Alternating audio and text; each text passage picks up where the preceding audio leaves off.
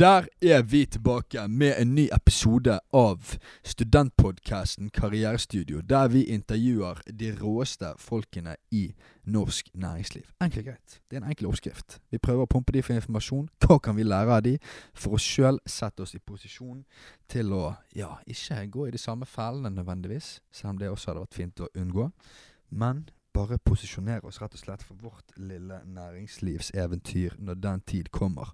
Og Dagens gjest er ingen ringere enn Steinar Eikås, mannen som leder Equinors satsing på lavkarbonløsninger. Og hva er egentlig lavkarbonløsninger? Jo, som vi får høre fra Steinar Eikås, så dreier det seg altså om hydrogen og karbonfangst og -lagring. Vi går dypt i lavkarbonløsningenes verden. Vi prater om forskjellen på blå og grønn hydrogen. Vi snakker om forskjellen på molekylbaserte og elektronbaserte energikilder. Vi snakker om den, hva som er den største utfordringen eh, for at hydrogen skal få gjennomslag og bli en utbredt energiform. Og eh, jeg tror også i hvert fall at eh, til Steinars store fortvilelse så har vi 15 minutter der vi går dypt ned i eh, organisasjons- eh, og prosjektstrukturen til Equinor. Jeg bare kjente det på meg eh, den dagen jeg var på besøk der, at nå bare må jeg skjønne mest mulig om hvordan Equinor organiserer prosjektene sine. Hvis ikke så får jeg rett og slett ikke sove. Eh, så det er vi også innom. Vi preker altså nye energiløsninger og Equinor sin prosjektstruktur. Det er rett og slett helt fantastisk, og det er spilt inn i på Equinors hovedkontor i Stavanger. På Forus. Det blir faktisk ikke bedre. God fornøyelse.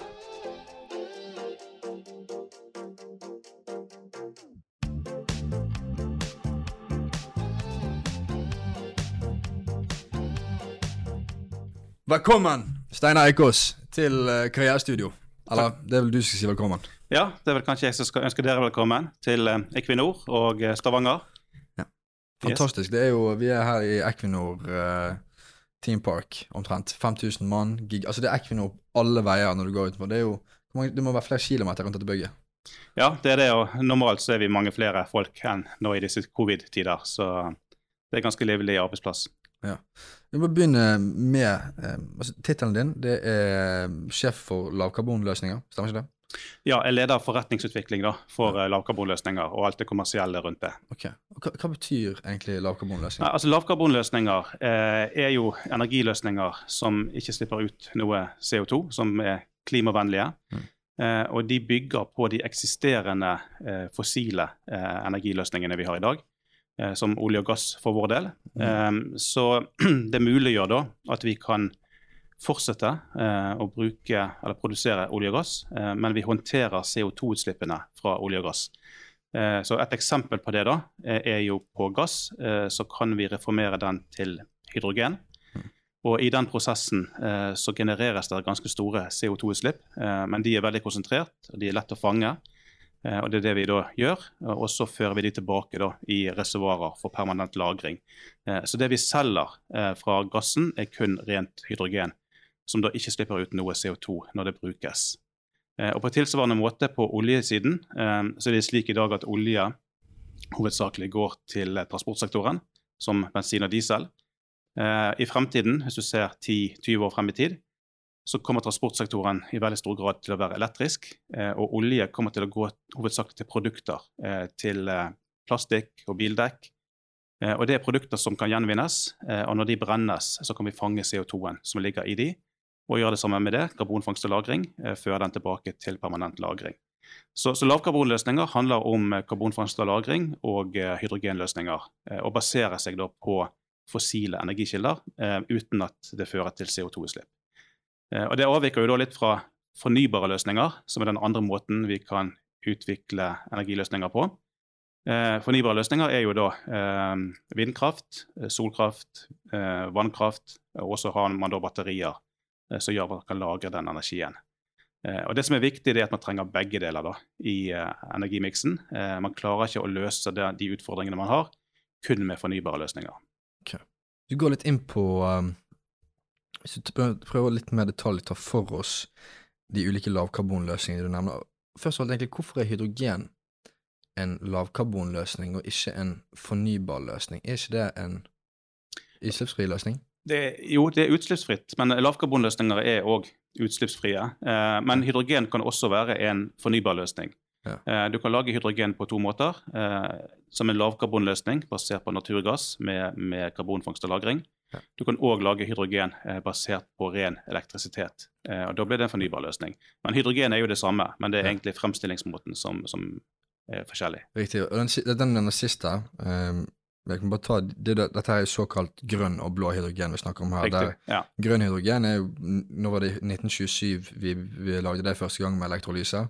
Um, og så har vi bare Det har ikke vært penger altså det har ikke vært noe penger å tjene i det, så man har ikke laget noe særlig hydrogen siden den gang. Så det er den grønne hydrogenen der man spalter vann, rett og slett. Og så har du det dere holder på med i Equinor, da, som er blå hydrogen, der man fanger eh, Mm. hydrokarbonene som frislippes da når man produserer Ja. naturgass. Stemmer ikke Ja. det? Jo, altså vi, vi driver med begge deler. da. Ja, okay. Vi er òg med i Europas største grønne hydrogenprosjekt. Så, så, men vi er nok mest kjent eh, for at eh, vi promoterer blå hydrogen også.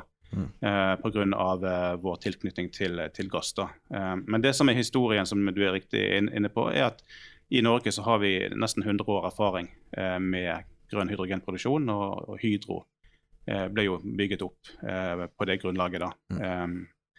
Eh, og det som skjedde, det var vel at på 60-tallet så gikk man over fra å lage hydrogenet basert på ren norsk vannkraft, til å bruke gass da, eh, for å lage hydrogen. Og det var fordi det var billigere. Mm. Eh, så det har, slik har det vært, og slik er det egentlig i, i verden i dag. Eh, så lages eh, jeg tror det er 98% av hydrogenet eh, basert på fossile kilder, og ikke basert på ren strøm.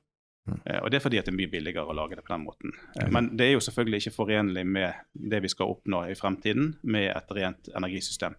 Det er derfor grønn hydrogen er blitt mer aktuelt, eh, fordi at man nå ser at man kan lage ren strøm eh, billigere og billigere. altså Kostnadene med sol- og vindenergi har jo gått kraftig ned.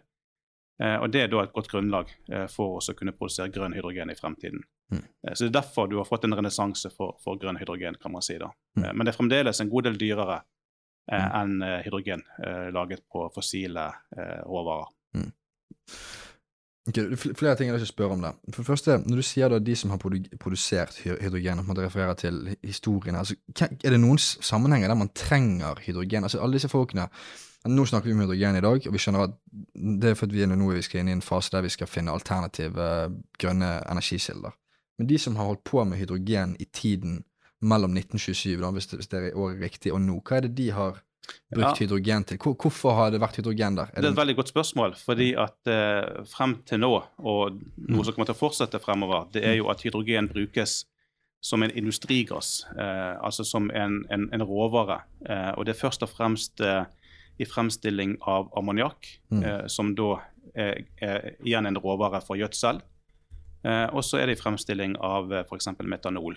Mm. Eh, så bruker man hydrogen til å komme, komme frem til de produktene. da. Okay. Eh, Så det er først og fremst gjødsel i dag som, som er den store um, årsaken til at man har hydrogenproduksjon eh, i, i verden. Mm. Men, men hydrogen har òg en annen egenskap, um, og det er at eh, det er ganske mye energi i hydrogen. Mm. Mm. Og som kjent så, så består det kun av eh, altså det, det produserer kun vann Ja. når det, når det brukes. Eh, Så det er mye energi kombinert med at det ikke slipper ut CO2 når det brukes. Eh, Så det egner seg veldig godt eh, Mm. til eh, det grønne skiftet, som vi sier. Mm. Som en energibærer i tillegg. Eh, Men per i dag så brukes ikke hydrogen noe særlig som energibærer. Faktisk er det vel kun i romfarten man bruker flytende hydrogen når man skyter opp romfargene. romfergene. Men ellers så ser du ikke hydrogen brukt som energibærer i dag. Men i fremtiden så vil vi forvente at hydrogen vil få en veldig sentral rolle. Mm. Og årsaken til det, det er at hydrogen er molekylbasert energi, i motsetning til fornybar strøm, som er elektronbasert energi. Mm. Eh, og eh, det er slik at eh, molekylbasert energi eh, er mye lettere å lagre. Eh, så du kan si fornybar strøm har den ulempen at du må bruke den her og nå. Mm. Du må egentlig umiddelbart bruke den. Eventuelt så kan du lagre den i batterier, men det er egentlig veldig kostbart. Ok, Hvis vi stopper litt opp der prøver å henge litt fast i molekylbasert og elektronbasert. Og for alle oss som har gått altfor få år på matematisk-naturvitenskapelig fakultet og glemt å studere de riktige fagene på videregående. Altså, hva er det Kan du dele opp um, de ulike energikildene vi kjenner til i molekylbasert og elektronbasert, og forklare litt nærmere hva som er forskjellen der? Ja, altså Forskjellen som jeg sa, er jo at um, hvis du tar elektronbaserte, da, Ja. eh, så er det som jeg sier, at det er litt eh, ferskvare. kan Ja, du si. At du må okay. bruke det med en gang. Um, eh, men du kan transportere det over avstander, og du kan lagre det i batterier. Um, men, men det har, begrenset, det har egentlig begrenset anvendelse hvis ikke du kan bruke det her og nå. Okay. Um, Du må sende det rett i strømnettet, sånn at det kan Ja, gå rett til husene til og folk. så, Ja. og så må du ha en balanse mellom de som bruker strømmen, og de Mm. som produserer strømmen, må være én til én. Mm. Eh, mens molekylbasert energi, som la oss si olje og gass, da, Mm. eh, det er energi som er lagret. Eh, altså det er jo energi som er, har vært lagret i reservoarer, eh, f.eks. som vi produserer fra Nordsjøen, i mange millioner år. Eh, så når vi, når vi produserer la oss si olje, eh, så, så produserer vi eh, en energiform som har vært lagret eh, i lang, lang tid. Eh, og Da kan vi bare bevare den egenskapen og flytte den oljen eh, til eh, den, bruken eh, som, som da vil skje. Eh, la oss si det er i et fly eller i en bil eller i en industriell eh, virksomhet. Eh, og så vil den energien frigjøres når den trengs. Mm. Eh, så, så molekylbasert energi har en stor fordel med at det er mye mer fleksibelt når det anvendes. Mm. Eh, og hydrogen har den egenskapen, da. Eh, og Derfor så blir hydrogen viktig. Fordi det både har den egenskapen at den er molekylbasert, og i tillegg er eh, CO2-nøytral, som vi sier. Ikke slipper ut CO2 når den brukes. Riktig. For Hvis vi går gjennom da den nye energimiksen, altså den- grønne energimiksen og disse tingene som skal spille en rolle, så vil vel da sol, havvind, vann sant? Altså, Vann har vi for så vidt, og den har vi, kan vi lagre opp, da, er en fordel. Men disse tingene er jo da elektronbaserte, sant? Ikke Ja. Og så er det hydrogen, da, som er den eneste av de som er molekylbasert. Har vi noen andre grønne løsninger som er Ja, altså du kan Ammoniakk, lage, du kan f.eks. lage ammoniakk Ja. av hydrogen. Eh, og Da får du en, en, en annen form for energibærer, som, som da er i væskeform, kan du si. Okay, Ja. Eh, du kan òg gjøre hydrogenet flytende, som Mm. en annen variant. Så det, det er mange varianter av, av dette, men Mm. eh, det viktige er at, eh, at hydrogenet, da, eh, selv om det er dyrere enn en, uh, olje og gass, eh, har den gode egenskapen da, at, uh, at det ikke slipper ut noe CO2 når det brukes. Uh, og Det er en egenskap som kommer til å bli utrolig viktig fremover. Um, nå har vi vært gjennom en fase hvor vi har satt oss mål om å gjerne kutte utslippene med 20% og 30 og vi skal ha 50% kutt til 2030. Eh, og det klarer vi å nå eh, med det vi kaller for elektrifisering. Sant? Det er å erstatte eh, skitten strøm med ren strøm. Eh, og det er også å erstatte noen av de forbrukerne av eh, fossile produkter eh, med elektrisitet. Og Et eksempel på det er jo personbilen. Ikke sant? Hvor vi nå går fra fossilbaserte biler til eh, elbiler. Eh, og Det er et eksempel på at man da vrir konsumet over til å bli elektrisk. Og så må man da sørge for å produsere den strømmen eh, rent. Eh, men, men det har sin måte, begrensning i at man gjerne ikke kan løse mer enn 40, kanskje 50% av energimiksen med å elektrifisere. Eh, de resterende 50 som da er, i dag er molekylbasert, eh, de vil fremdeles være det i fremtiden.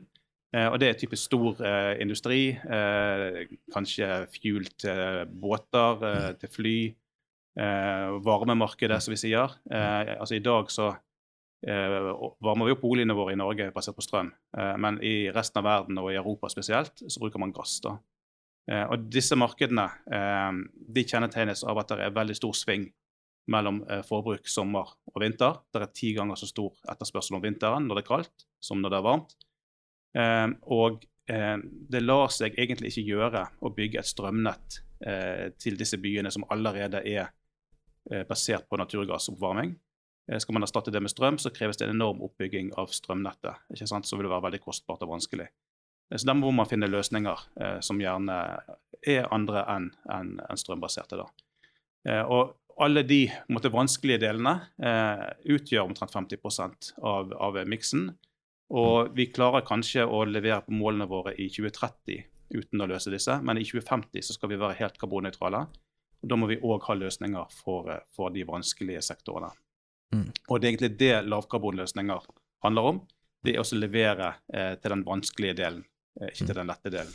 Lavkarbonløsninger er levert til den vanskelige delen. Okay, Hvis vi går inn da litt på det du jobber med, forretningsutvikling. Da, fordi okay, Dette er poeng da, som når jeg har prøvd å, å lese meg opp på hydrogen, som typ, som slår meg, da. Og det er at uh, Du har kanskje et annet ord for det innenfor um, hvis man har studert på NHH, men et verdikjedeproblem, uh, i hvert fall det tanken slår meg, at en ting er om du kan produsere hydrogen uh, økonomisk, men så har du da i hvert fall to-tre ledd til i den verdikjeden, som er noen må også, Vi må også ha teknologien og bedriftene og forretningsmodellene til å transportere det, til å lagre det og til å bruke det. Sant? Så det jo ingenting å si om du kan produsere all verdens ren hydrogen hvis vi ikke har tilsvarende bedrifter nedover her som også driver med lagring, transport og forbruk. Sant? Og Ja. da er vi på et sånn høne eller egg-problem, fordi hvem er det som For i tillegg til dette verdikjedeproblemet, så har du også et problem innenfor hver enkelt av disse delene at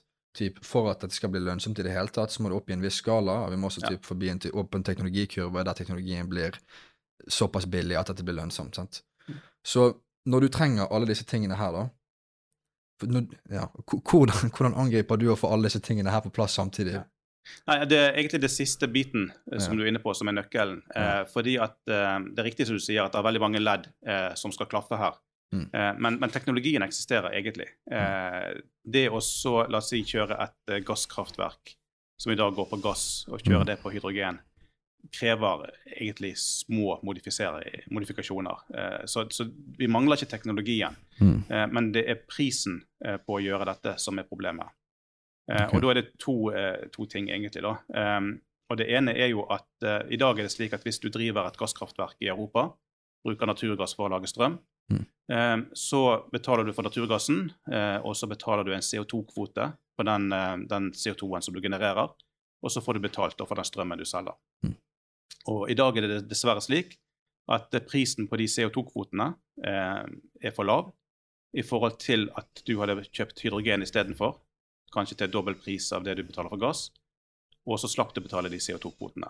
Og Det er egentlig det en lavkarbonløsning vil representere. Det er muligheten for at du endrer eh, innsatsfaktor, eh, har en ren eh, prosess, slipper eh, å betale for utslippene.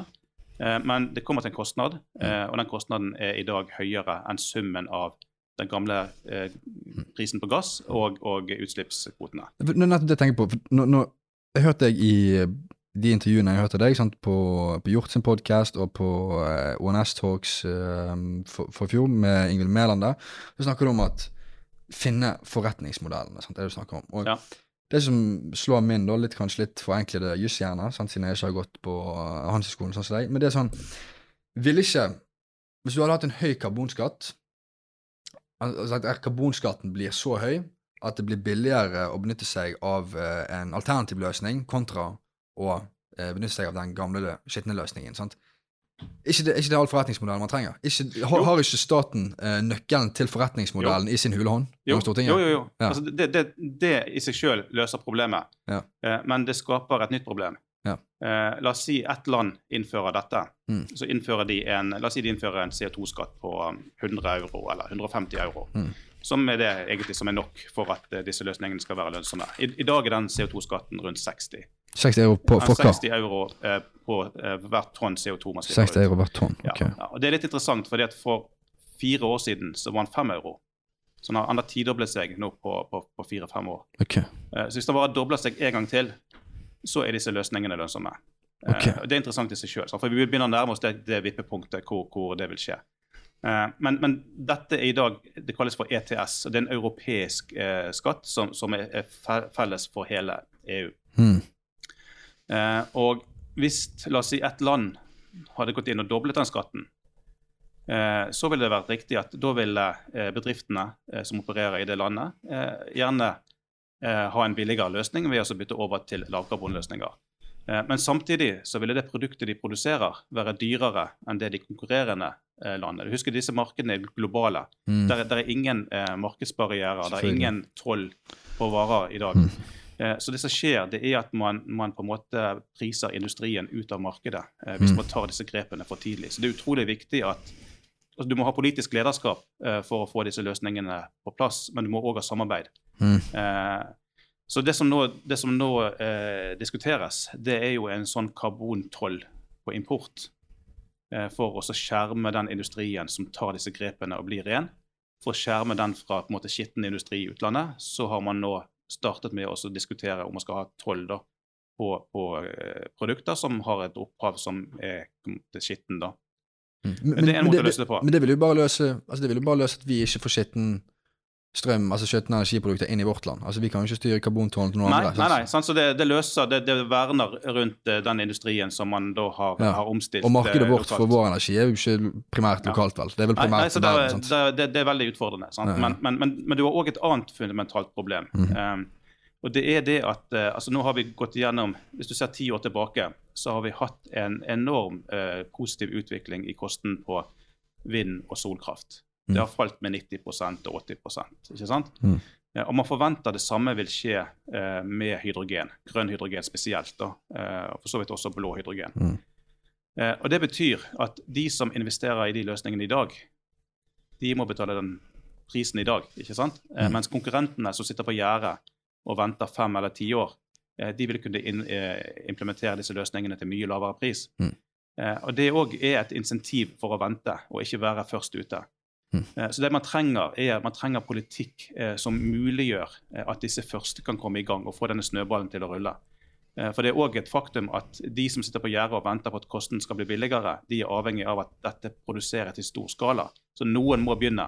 Mm. Ikke sant? Og, og når det er slik at insentivene er at de som venter, er de som kommer billigst ifra det, så har du ikke insentiver for å gå ut tidlig. Eh, Så det er veldig viktig der at, at du har politiske systemer og subsidier. Er det vanskelig å utforme sånn politikk, eller er det noe vi kunne tatt oss ned her en time etterpå og funnet ut av?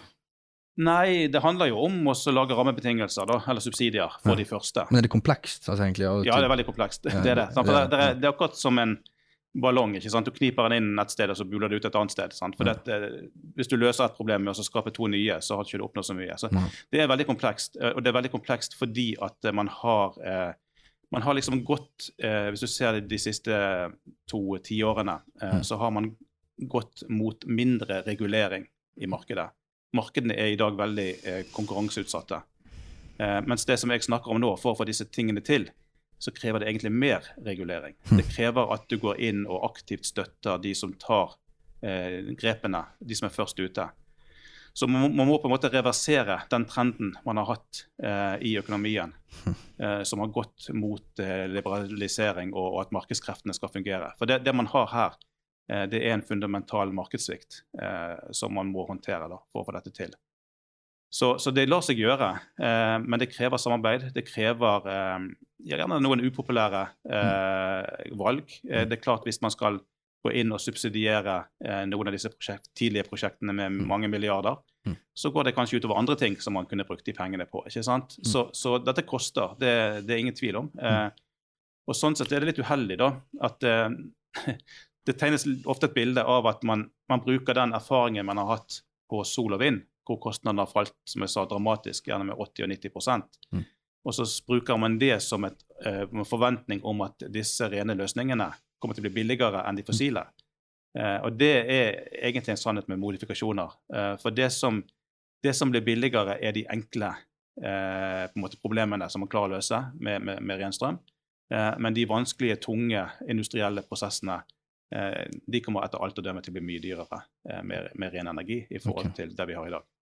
Nå- Når du snakker om eh, disse komplekse problemene, problemene som skal løses her, med insentivsystemer og rammebetingelser og mer regulering, hvem sitt ansvar er det? Altså Er det Marte Mjøs Persen? Er det sjefen din her i Equinor? Hvem er det som må, liksom, finne ut av dette? Hvem er det vi må peke på og si sånn at du, du Nei, Halaien, altså, det du er jo et felles ansvar, da. Men det som er viktig her, det er jo at eh, Altså, jeg kommer jo fra industrien, ikke Mm. sant.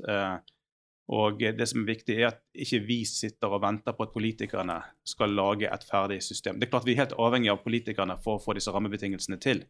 Eh, men vi kan ikke forvente at politikerne skal designe disse systemene uten å vite hvor mye det vil koste, uten å vite hva løsninger som er mulige.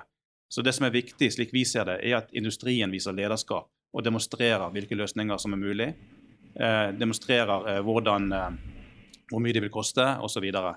Eh, slik at politikerne eh, får et grunnlag eh, for å designe disse rammebetingelsene som da er nødvendig. Mm. Og et, et godt eksempel på det er jo dette Langskip, Northern Lights, som et er karbonfangst og -lagring. Mm.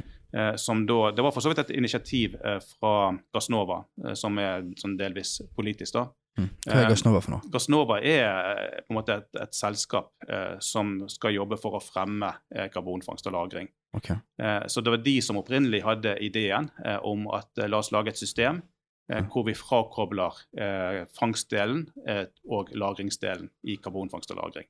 Det er system, Snakker du om da den faktiske metoden for å få det til? Ja, eller? nei, altså det er egentlig verdikjeden. Eh, Verdikjeden. og det som har vært saken, er at eh, karbonfangst og -lagring har vært gjort i flere tiår.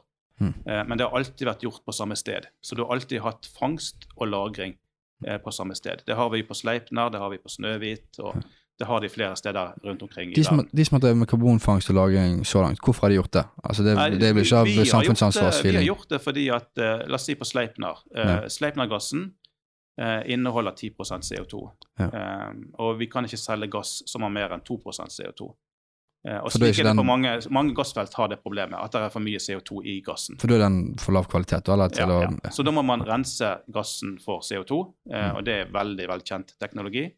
Eh, og det man da normalt gjør, er at når man har fanget og trukket ut den CO2-en fra gassen og gjort gassen salgbar, så slipper man bare ut den CO2-en. Ja.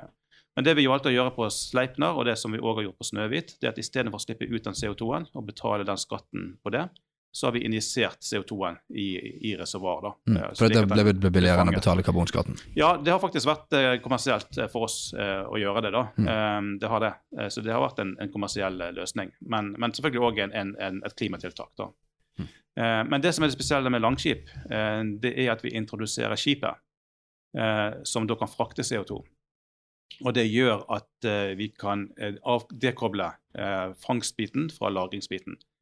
Eh, som, så vi som Equinor sammen med Shell og Total, eh, vi har da utviklet eh, et lager sammen med den skipsløsningen. Og så vil da industrien i Europa utvikle fangstbiten. Mm. Og da vil de fange CO2-en, og så vil vi komme med skipet til en havn i Europa og hente den CO2-en. Og Det er et stort sprang da, i forhold til hvor man er i dag, hvor du har gjerne industri som ønsker å håndtere sitt eh, CO2-problem, men de har ikke noe sted å gjøre av den hvis de klarer å fange den. Eh, men med Langskip og Northern Lights eh, så kan vi komme og hente CO2-en på skip. Mm. Så kan vi frakte den til Øygarden, eh, der den vil mellomlagres på land, Mm. og så injiseres den for permanent lagring. Ja, det er et veldig godt eksempel på et godt samarbeid da, mellom industrien og myndighetene. Mm. Eh, så myndighetene hadde ideen, industrien utviklet løsningene, Mm. og vi estimerte hvor mye det ville koste. Og så estimerte vi hvor mye mer det ville koste i forhold til den karbonskatten som i dag er. Ja. Eh, Og den eh, prisen den- tok myndighetene? ja, den merkostnaden tok myndighetene. Ok. Slik at Tok de det det, prosjektet, det de akkurat? prosjektet er på grunn av den, det bidraget fra myndighetene, så er det prosjektet i dag lønnsomt. Okay. Ja. Altså, det, det vil Det er ikke live, dette prosjektet, men det vil bli lønnsomt når man begynner med Ja, det? vi holder på å bygge det, da. Ja. Eh, Men, men eh, altså, vi har alle forutsetninger for at dette vil være et lønnsomt eh, prosjekt. Okay. Som ikke vil trenge mer eh, støtte, da.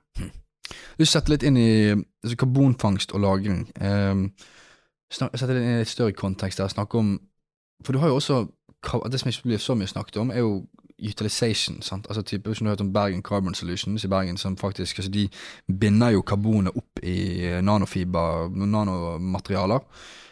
Hvordan ja, altså, hvordan stiller det seg? Hvordan henger det sammen med det du holder på med? Altså, vil det også være en stor ting? At man binder for Ja, det vi vet alle sammen, er jo at det er altfor mye karbon i atmosfæren. Det må vekk. sant? Um, er det en del av vi si, fremtidsmiksen å binde opp mye av det karbonet også ja i det, produkter? vil, det vil være det. Ja. Um, kanskje ikke så mye for, for oss i, i Equinor. Mm. Uh, altså det, det som du, Poenget ditt er jo at det viktige er jo at ikke vi slipper ut CO2-en i atmosfæren. Mm. Uh, og Da må vi først fange CO2-en. Uh, Mm. Og har vi først fanget CO2-en, så er det to ting vi kan gjøre. Vi kan Mm. lagre den, sånn som vi gjør.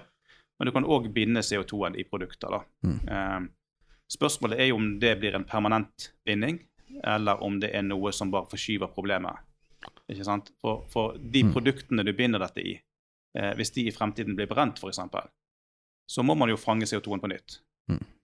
Så, så, så vi, vi eh, i Equinor er, er ikke i særlig grad inne i den type eh, prosjekter. Eh, vi har 25 års erfaring med å lagre CO2, så hvis Mm. vi først har fanget CO2, så er det det vi gjør.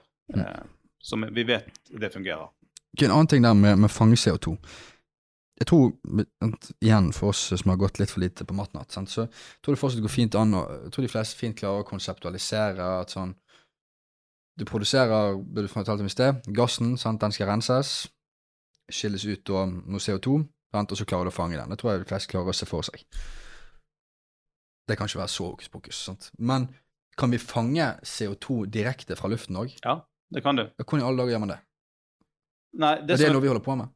Nei, um, du kan si hvis, hvis du La oss si du lager um, ammoniakk, ikke sant? Eh, så går du gjennom en prosess hvor du lager hydrogen, og så har du gjerne i den gassen så har du gjerne 50 av, av alt det du holder på med, er CO2. Mm, mm, 50, 50 I, I luften så er det 0,4 promille CO2. mm. Så konsentrasjonen er vanvittig liten i luft i forhold til den konsentrasjonen du har i industriprosesser. Ja. Så altså Derfor så er det mye mer kostnadseffektivt å fange CO2-en i industriprosesser hvor, hvor den er mye mer kompakt og konsentrert. Mhm. Eh, Men det er fullt mulig, og der, der er prosjekter i verden som, som fanger CO2 fra lufta. Mm. Eh, og Det vil man sikkert se mer av fremover etter hvert som kostnaden faller. Men, men man startet med et enormt handikap med at eh, konsentrasjonen er veldig veldig liten. da. Riktig. riktig. riktig. Men bare for å komme litt tilbake til det du, du nevnte dette med utilization. Uh, Kanskje den, den viktigste utilization av uh, CO2 i dag er jo kullsyre. Mm. Kullsyre er jo CO2, eh, og Ja. kullsyre eh, er et resultat av at man har laget eh, ammoniakk eh, av hydrogen mm. eh, og fanget CO2-en, og så vil da den CO2-en gå som kullsyre til matindustrien. Altså Mm. til øl og til brus. Eh, så det gjøres i dag. Det har vært gjort i mange mange, mange tiår.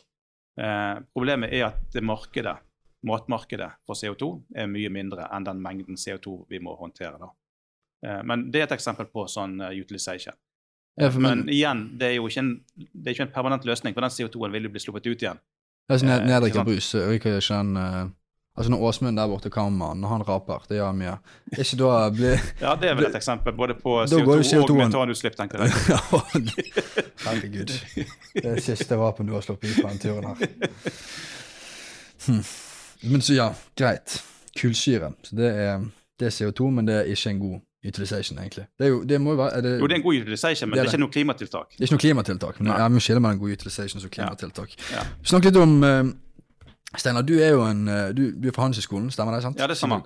Men du er jo da altså du er en økonom, eh, en talmann, i ingeniørenes verden, sant? her Ja. på, eh, på Forus. Hvordan, hvordan ser det ut? Nei, det er litt om interessant, sant? Ja. fordi at det som jeg jobber med nå, kan virke veldig fjernt fra det som jeg utdannet meg som. Så jeg Mm. utdannet meg innenfor økonomi, da hovedsakelig innenfor investeringsanalyse. Da. Så Mm. jobbet jo under studiene med å se inn i fremtiden, eh, prøve å, å evaluere hvordan eh, prosjekter, eh, hvor lønnsomme de ville være da, eh, fremover. Um, og det som jeg jobber med nå, er jo litt det samme, da, selv om det baserer seg i veldig stor grad på, på tekniske løsninger. Sant? Så jeg tror det ene, eh, ene lærdommen jeg kan trekke av det, er jo at det man lærer når man studerer, er ikke bare faget, men man, man lærer å lære, for å si det sånn. Man lærer å strukturere komplekse og vanskelige problemstillinger, gjøre de håndterbare, eh, analysere det, eh, komme frem til mulige løsninger, eh, fremstille det på en god måte for andre. Det er veldig mye sånt man lærer uten at man tenker gjennom det, eh, som man kan anvende egentlig på alt mulig. Ok. Eh, og så tror jeg òg innenfor, innenfor økonomi så lærer man dette med alternativ kost-begrepet, kost. som er veldig veldig sentralt. klassiker. Eh, Det har jo til og med vi har hørt om Bysen. ja, jeg tror kanskje det er det viktigste du lærer egentlig på, på siviløkonomstudiet, vil jeg Mm. påstå. da. Eh, og det handler jo om å egentlig forstå eh, hvilke alternativer man har eh, når man eh, foreslår f.eks. å gjøre et prosjekt, eh, så er det ikke tilstrekkelig å bare se på det prosjektet, men, men gjerne òg se på hvilken innvirkning det har på andre prosjekter, og hvilke alternativer man sier nei til. og Mm. Forstå egentlig uh, rekkevidden av det man foreslår, Ja. uh, og ikke bare se på det med fokusert blikk. da. Ja. Men din reise her, da. Du, ø, hvor lenge har du vært i Equinor? Jeg har vært i 28 år. Okay. Så du har vært her i hele Ja, yrkesakten? jeg har vært uh, hele min karriere i Equinor. Eller Statoil, da, som jeg begynte i. Ja, ja, Statoil, ja. Det var gode tider. Men heter du, begynte du da i Begynte du da først i typ mer tradisjonelle økonomi... Jeg var, heldig, jeg var heldig å komme inn i en enhet eh, som drev med økonomisk analyse og, og, investeringsanalyse. Mm. Eh, Jeg kom inn i eh, 1993, som var en periode hvor vi hadde masse utbygginger. Eh, og eh, på den tiden, litt interessant da, på den tiden så hadde vi funnet veldig mye gass, eh, og vi hadde solgt litt gass. Mm. Eh, Så min oppgave de første årene det var å regne på hvilke gassfelt det lønte seg å Mm. sette først i køen eh, til å forsyne de kontraktene vi hadde inngått, eh, og hvilke gassfelt eh, vi burde vente med. Mm. Eh, Og Det var en kompleks sak, fordi at eh, på disse gassfeltene så er det jo forskjellige partnerskap. Eh, Så, så du har forskjellige eierkonstellasjoner. eh, Mm. Så det er klart eh, man har veldig store interessekonflikter. Mm. Eh, Så, så det som vi jobbet med den tiden, det var en type objektiv, eh, objektive kriterier, eh, slik at selskapene da var enige om hvilke gassfelt man burde prioritere fremst i køen. Så, så det var veldig spennende og, Mm. og komplekst. og Nå er det jo andre tider. Nå er jo det fritt fremfor frem for alle å selge gass. Så den tiden er forbi, men, men det var veldig kjekt å begynne med det da, Ja. like etter jeg hadde avsluttet studiene. For det var egentlig ganske, ganske mm, komplisert og analytisk eh, oppgave. da. Ok, ok. Mm.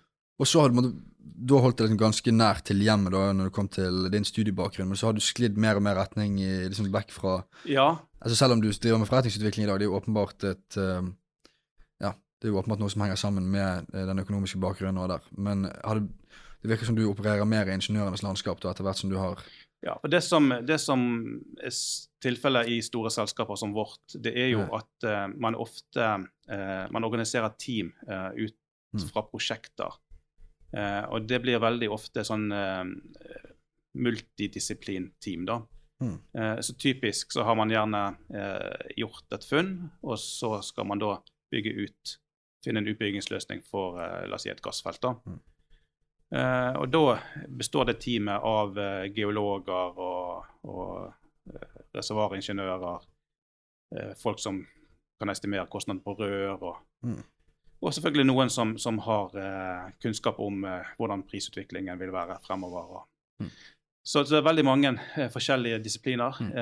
og man lærer jo ja, det, Hvor mange personer snakker det er gjerne ti, da. Ti personer i Ti teamet? personer, ja. Sant? Hvor alle har sin på en måte kjernekompetanse. Eh, men etter hvert som man jobber i disse teamene, så lærer man jo eh, måte kompetansen da, Mm. eh, til de andre. Sant? For min del så er det det som har Mm. skjedd. da, At jeg har tillært meg eh, de viktige eh, elementene da, i, i, i ingeniørenes eh, verden. da. Og, og hvordan typ sånn, er det du skisserer her, da? Typisk man har funnet et funn, og så skal man eh, utvikle det funnet sant? Og, og regne på å gjøre forretning ut av det funnet sant? og få på plass alle tingene. Hva når du sitter i et sånt team da, med disse ti folkene med sin kjernekompetanse, hva er horisonten her på et sånt prosjekt? Er det noe man holder på med i to år, fem år, Ja, syv år? Ja, det er ganske lang horisont. Ja. Um, altså det, dette, Innenfor vår bransje, da, hvis du ser tradisjonelt på, på olje og gass, ikke sant, så begynner du det med leting. Mm. Sant? At man tolker eh, seismikk. Eh, Skyter seismikk, tolker seismikk. Og så borer man letebrønn.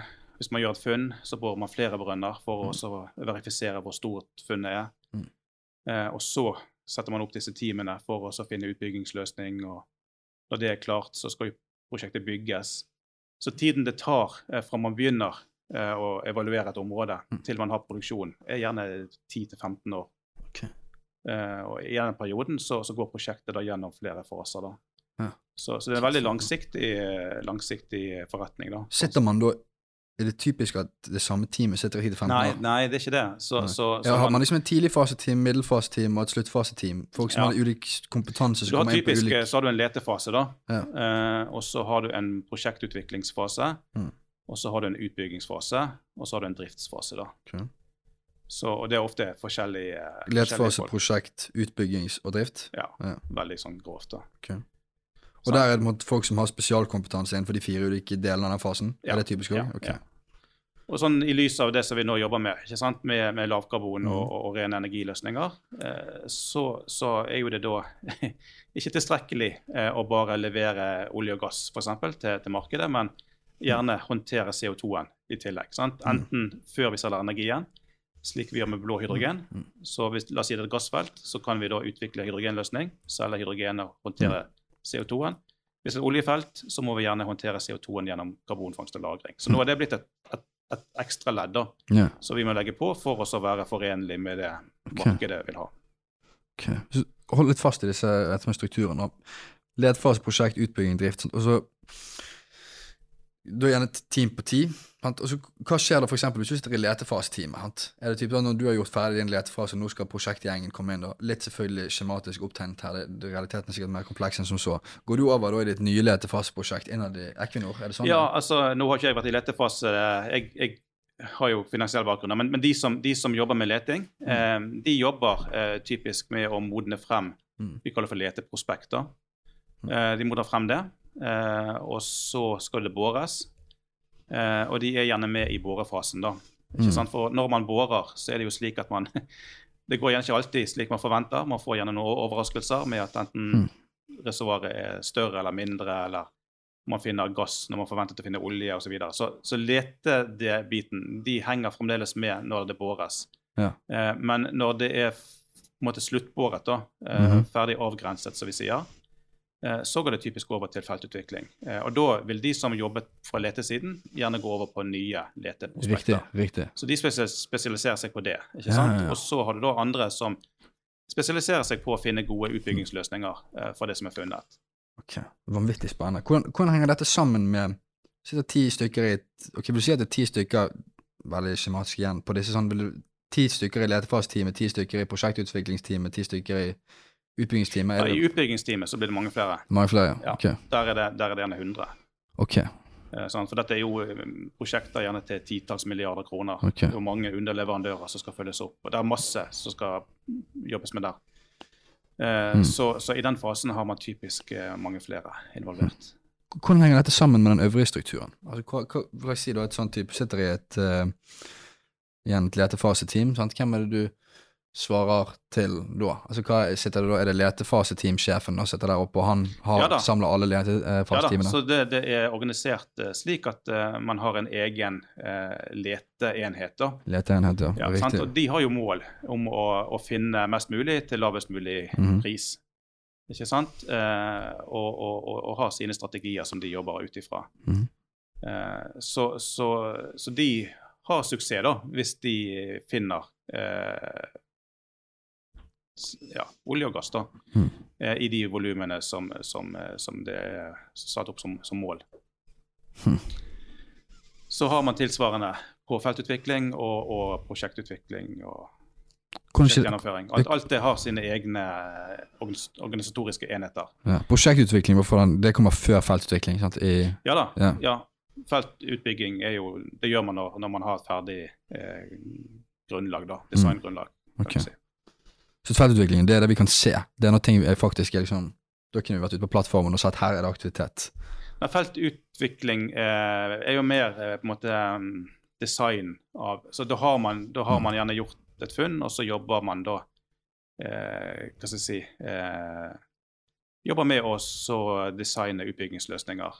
Eh, Mm. Og så vil jo de utbyggingsløsningene, eller den utbyggingsløsningen som blir valgt, det er jo viktig her. sant? At En veldig viktig del av den jobben som gjøres, er at man evaluerer mange forskjellige eh, løsninger, og så velger man ett konsept Mm. som da går videre til, til utbygging. Og resultatet av den utbyggingen er jo det du ser. Eh, ja. Hva tenker du om Equinor sin, uh, altså sin rolle i uh, no, Equinor har vært hva si, eh, solen i uh, oljebransjens solsystem i, eh, i flere tiår nå. Sant? Nå skal man over i en litt mer sammensatt energiverden. Hvordan tror du Equinor ja, Hvordan ser utviklingen ut for Equinor? Vil det være mer sånn uh, sammensatt uh, system nå? Kommer Equinor til å beholde sin dominerende posisjon? Det jeg har hørt snakk om, for eksempel, er jo at Equinor har vært i stor grad en innkjøper nå. Sant? Mange underleverandører. Sant? Nå må kanskje Equinor ut i større grad og selge, f.eks. Altså, hva, Ja. hva er dine refleksjoner rundt Equinors ja, sin du kan si at uh, altså, frem til nå så har vi jo kunnet konsentrert oss om produksjon av olje og gass, da, for å si det Ja. enkelt. Sant? Så de siste fem årene så har vi brukt den kompetansen til å bygge opp eh, egentlig verdensledende kompetanse Mm. på vind. Mm. Eh, det er ganske underkommunisert, men Equinor er det selskapet som bygger ut verdens største vindpark, som er Doggerbank.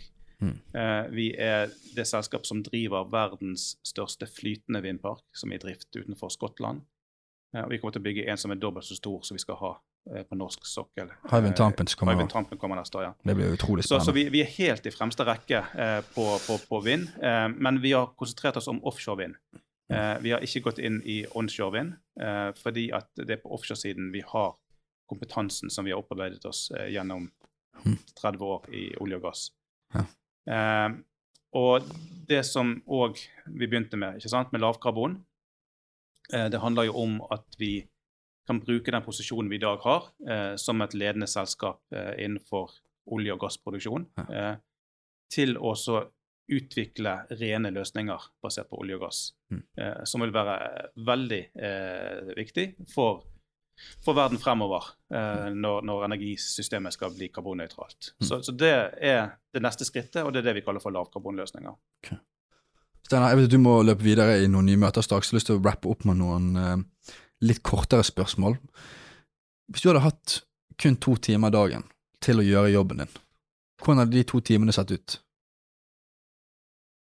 Å, det var vanskelig.